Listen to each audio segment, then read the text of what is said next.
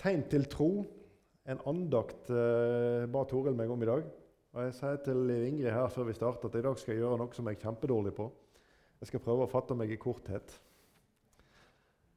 Vi skal ha eh, en andakt, og den skal handle om tegn til tro. Um, I møte med mennesker i dag så har jeg et, en opplevelse av at stadig flere søker tegn. Stadig flere søker etter det synlige bevis på Guds eksistens eller hans synlige inngripen i ulike situasjoner. Før vi deler noen bibelverser sammen, så skal vi be. Kjære Jesus, takk for at du har satt oss stevne her i dag. Takk, Jesus, for at du vil eh, vise oss inn i ordet ditt. Jeg ber Herre om at dette må være trosstyrkende, Herre. En slags vitaminpille for oss Herre, i formiddag, hvor vi kan få oppleve at ditt ord taler til oss og viser oss sannheten. Amen. Vi skal lese to vers fra Josva kapittel 4. Vi leser vers 6 og 7. Disse steinene skal være et tegn blant dere. Når barna deres i fremtiden spør, hva er dette for steiner, da skal dere si til dem, Jordans vann delte seg foran Herrens paktsark. Da den kom ut i Jordan, delte Jordans vann seg, og disse steinene skal være til et minne om dette for Israels barn til evig tid. Dette er et sånt synlig tegn som Gud gjorde. Og Jeg skal ikke ta hele denne bibelfortellingen, det er ikke hensikten her i dag, men jeg har lyst til å peke på ett sånt bibelsk eksempel. Hvor Gud gjorde et under, og hvor Gud ba folket om å opprette noe, et fundament, som de kunne vise til i fremtiden når barna spør hva er dette for steiner. Jo, da skal dere kunne fortelle til dem at her skjedde det et under.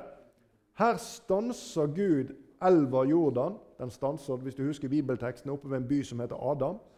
Og så gikk hele folket tørrskodd over elven til den andre siden.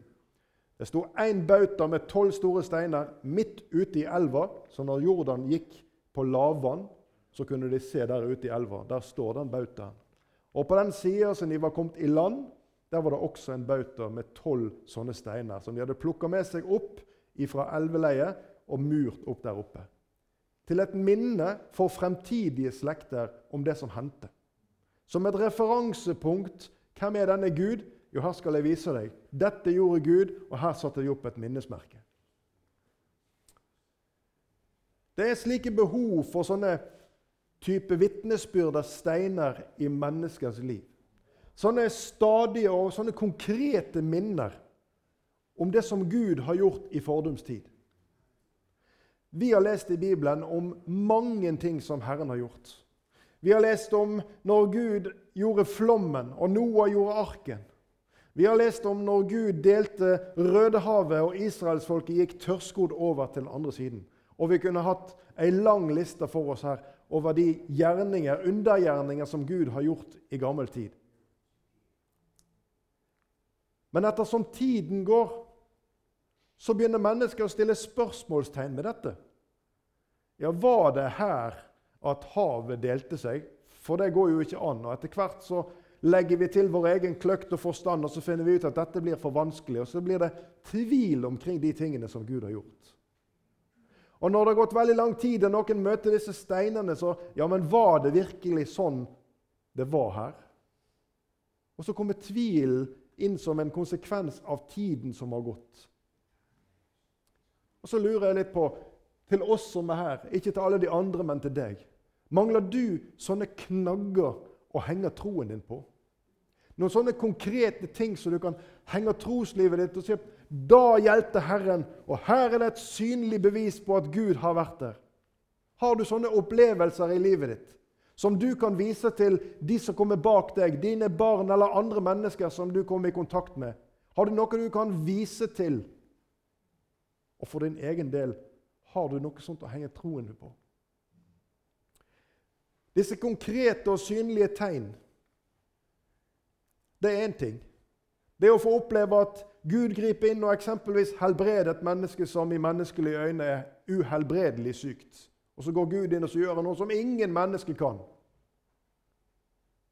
Eller som vi leste om fra bibelversene her vi begynte med, at eh, Gud han åpner elva og lar den være tørr, og de får bygge opp dette minnesmerket. Det finnes noen sånne synlige og konkrete tegn. Og noen mennesker er veldig frimodige og forteller om disse tingene som de har opplevd med Gud. Og så kan du og jeg som skal sitte og lytte til, vi kan trykke det til vårt hjerte og så kan vi prise Gud og si halleluja der inne. For Gud han har gjort et under. Gud han har møtt et menneske. Han har, han har forklart seg selv, eller han har forklart om sin makt. Eller han har på nytt demonstrert hvem han er, og hva han kan gjøre for oss. Og så kan vi ta del i gleden over erfaringer som andre har gjort gjennom vitnesbyrdet. Men så er det, som jeg nevnte her innledningsvis, litt symptomatisk at svært mange mennesker, også troens mennesker i dag, søker disse synlige tegn og under. Og Noen de vil valfarte fra sted til sted for å prøve å søke å oppleve dette. At Gud griper inn og helbreder syke mennesker, eller andre sånne konkrete ting. Og Det forteller meg noe om en søken etter en sannhet, etter en virkelig opplevelse med Gud i et troende barns hjerte. Fordi at vi har jo Guds ord, og vi har lest det, og vi har hørt fortellingene. Men til tross for det så søker en altså denne type manifestasjoner. Det er noe med tiden og med tvilen. Ettersom tiden går, så blekner noen ganger de tingene som skjedde i fordums tid. Og du og jeg vi har et bruk for et fornya møte med Jesus. Et fornya møte med Guds kraft. En fornya erfaring hvor han forteller oss i vårt hjerte, vårt personlige trosforhold, at jeg er her, og jeg er en virkelighet slik som jeg var i fordums tid. Bibelen gir oss mange tegn. Til tro, hvis vi leser i profetordet, og så leser vi gjennom oppfyllelsen av disse, mange av disse profetiene. Og Nå skal dette være en andakt, og med denne innledningen som jeg har dratt av gårde her nå, så kunne vi i hvert fall hatt én bibeltime. Kona mi smiler her. Det skal vi ikke ha. Men jeg har lyst til å ta dere med inn i et enkelt matematisk eksempel basert på åtte ulike profetier. Og Det er litt forenkla framstilt. Eh, vi kan ikke dra lange regnestykker her i dag. det er heller ikke hensikten. Men jeg har lyst til å vise dere noe av bibelordets troverdighet. Det første av disse det er Mika 5,1. Her leser vi Men du, Betlehem Efrata, som er liten til å være blant Judas tusener. Fra deg skal det utgå for meg en som skal være hersker over Israel. Hans utgang er fra gammel tid, fra evighetsdager. Dette handler om en person, og det vil du se at alle disse åtte profetiene handler om en person. Jesus ble født i Betlehem. Dette er den første profetien du finner som stedfester Jesu fødsel, Jesu komme. Vi kan lese i Malakia kapittel 3 vers 1. Og Det blir kort med disse åtte profetiene for tidens skyld. Se, jeg sender min budbærer. Han skal rydde vei foran meg. Brått skal han komme til sitt tempel. Herren som dere søker. Paktens engel som dere inderlig lengter etter. Se, han kommer, sier herskarenes Gud. Johannes Jesus sjøl vitner om dette. Om at Johannes han er den som skulle komme etter Skriftene, og som skulle vitne om Jesus. Se, jeg sender min budbærer. Han skal rydde vei foran meg. Sakarias kapittel 9 vers 9. Rop med fryd, Sions datter. Rop høyt, Jerusalems datter. Se, din konge kommer til deg. Rettferdig er han og full av frelse. Ydmyk er han og rir på et esel, på den unge eselfolen. Og Så spør jeg deg, hvem er det som rir inn i Jerusalem på palmesøndag? På en eselfole? Hvem er det vi synger om i barnesangen? Jo, vi synger 'Hvorfor valgte du en eselfole, Jesus?' Sakarias kapittel 13 vers 6. Om noen spør ham, 'Hva er det for sår du har på kroppen?' Da skal han svare, det er sår jeg har fått i mine elskeres hus. Hadde vi lest hele dette kapittelet, så fikk du litt større bilde av konteksten. Men dette handler om Jesus og profetien om Jesus og hans lidelse og død.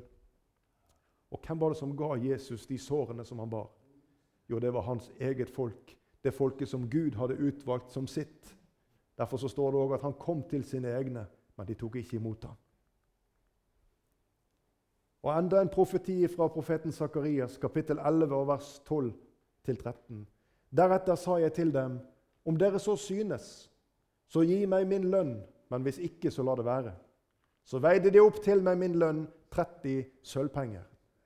Da sa Herren til meg, kast dem bort til pottemakeren, den herlige pris som jeg er aktet verdt av dem. Og jeg tok de 30 sølvpengene og kastet dem inn i Herrens hus og til pottemakeren. Hvilken person er det profeten snakker om her? Profeten Zakaria. Hvem var det som forrådte Jesus med 30 sølvmynter, og som deretter i sin anger kasta de inn igjen i tempelet? Og som ble brukt til å kjøpe denne pottemakerens åker, nøyaktig etter profetordet. Det Guds ord det farer ikke med tilfeldigheter. Jesajas 53, vers 7. Han ble mishandlet, og han ble plaget, men han opplot ikke sin munn. Lik et lam som føres bort for å slaktes, og lik et får som tier når de klipper det. Han opplot ikke sin munn. Her leser vi om Jesus. Her leser vi om Jesus, det som skulle skje lenge etter. Som blir ført bort, og som dør uten verken protest eller forsvar. Og Salme 22 og vers 17. Salme 22, Der finner du veldig mye av lidelsesberetningen. Og vers 17 skal vi ta med her. For hunder omringer meg. De ondes hop gjerder meg inne. De har gjennombåret mine hender og mine føtter. Her leser vi om det som skulle komme til å skje. Her leser vi om Jesus korsfestet. Ingen tilfeldigheter igjen i Guds ord. De har gjennombåret mine hender og mine føtter. Du, I 1963 så skrev en professor som heter Peter Stoner han skrev en artikkel i USA i et vitenskapsmagasin som heter Science Speaks. Og Her skrev han om den matematiske sannsynligheten for at ett menneske skal kunne oppfylle åtte av profetiene. Altså fra den dagen det er profetert, og fram til i dag. Og Sannsynligheten for dette er altså 1 ganger 10 opphøyd i 17. Eller for å prøve å forklare det på folkemunne, så blir det 100 millioner milliarder, hvis det sier deg noe. 1 til 100 millioner milliarders sjanse for at ett menneske skal kunne oppfylle disse åtte profetiene. Og Dette er bare åtte profetier. Det finnes over 300 profetier om Jesus i Det gamle testamentet. Hvis vi skulle tatt alle disse, ville tallet her ha blitt 10 opphøyd i 157. Det blir så mange nuller at det får ikke vi tid til her i formiddag. Vi valgte åtte profetier her i dette regnestykket som handler om personer, siden også denne artikkelen som jeg refererer til her, handler om det samme. Og Jeg har bare lyst til å gjøre en illustrasjon, for disse tallene her de er veldig vanskelige altså 100 millioner milliarder, klarer du å se det for deg? Jeg strever i alle fall. En liten illustrasjon. Norge utgjør 385 208 kvadratkilometer. Ganske stort område. Hvis vi tok kronestykket, stabla oppå hverandre 1 meter og 10 i høyden. Sant? Og så dekker vi hele Norges areal. 385 208 kvadratkilometer med en stabel med 1 meter og 10 høyt med kronestykket oppå hverandre. Så tar vi ett kronestykke. Det maler vi rødt. Det skal vi gjemme her inne et sted. Hvis vi setter en blind mann til å finne det ene kronestykket, så har du sannsynligheten som samsvarer med det som jeg nettopp sa, med oppfyllelsen av profetiene. Det er bare for å gi deg et bilde ut av at med en enkel vitenskapelig tilnærming til profetordet, så vil du finne at det er overveldende bevis for dets sannhet. Så spør jeg deg søker du tegn og bekreftelse til styrke for den trua som du har på Jesus. Hvor henne leter du henne? For du skjønner, Bibelen er svaret. Bibelen er svaret for deg som trenger slike vitnesbyrder, steiner til å henge troslivet ditt på. For Bibelen den er levende og virkekraftig. Det står det om Guds ord, at det er levende og virkekraftig og skarpere enn noe tveegget Og ingen ringer enn Gud sjøl bekrefter ordet sitt og dets gyldighet. I tillegg til at han har gitt oss dette ordet, så gir han oss også andre gaver. Han gir oss nådegaver. Han gir oss opplevelser med seg på veien. Han gir oss tegn og under.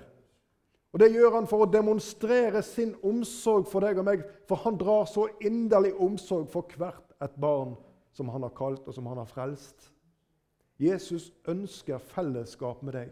Jesus ønsker at du skal få opplevelsen av at hans ord det er sant og at det er virkekraftig, og at det er aktuelt i dag. Derfor vil jeg oppsummere helt til slutten her, fra Salme 119 og vers 160. Summen av ditt ord er sannhet, og til evig tid står all din rettfer rettferdslov fast. Kjære deg som måtte ha tvil i hjertet ditt. Tvil om nåden skulle gjelde deg. Tvil om, om troen holder. Tvil om ulike ting skal gå i oppfyllelse. Guds løfte er personlig til deg. Det står fast, og han stadfester det gang på gang i ordet sitt. Det har han gitt deg, og der ønsker han også at du skal søke hans nærvær. Takk, Jesus. Takk for ditt ord.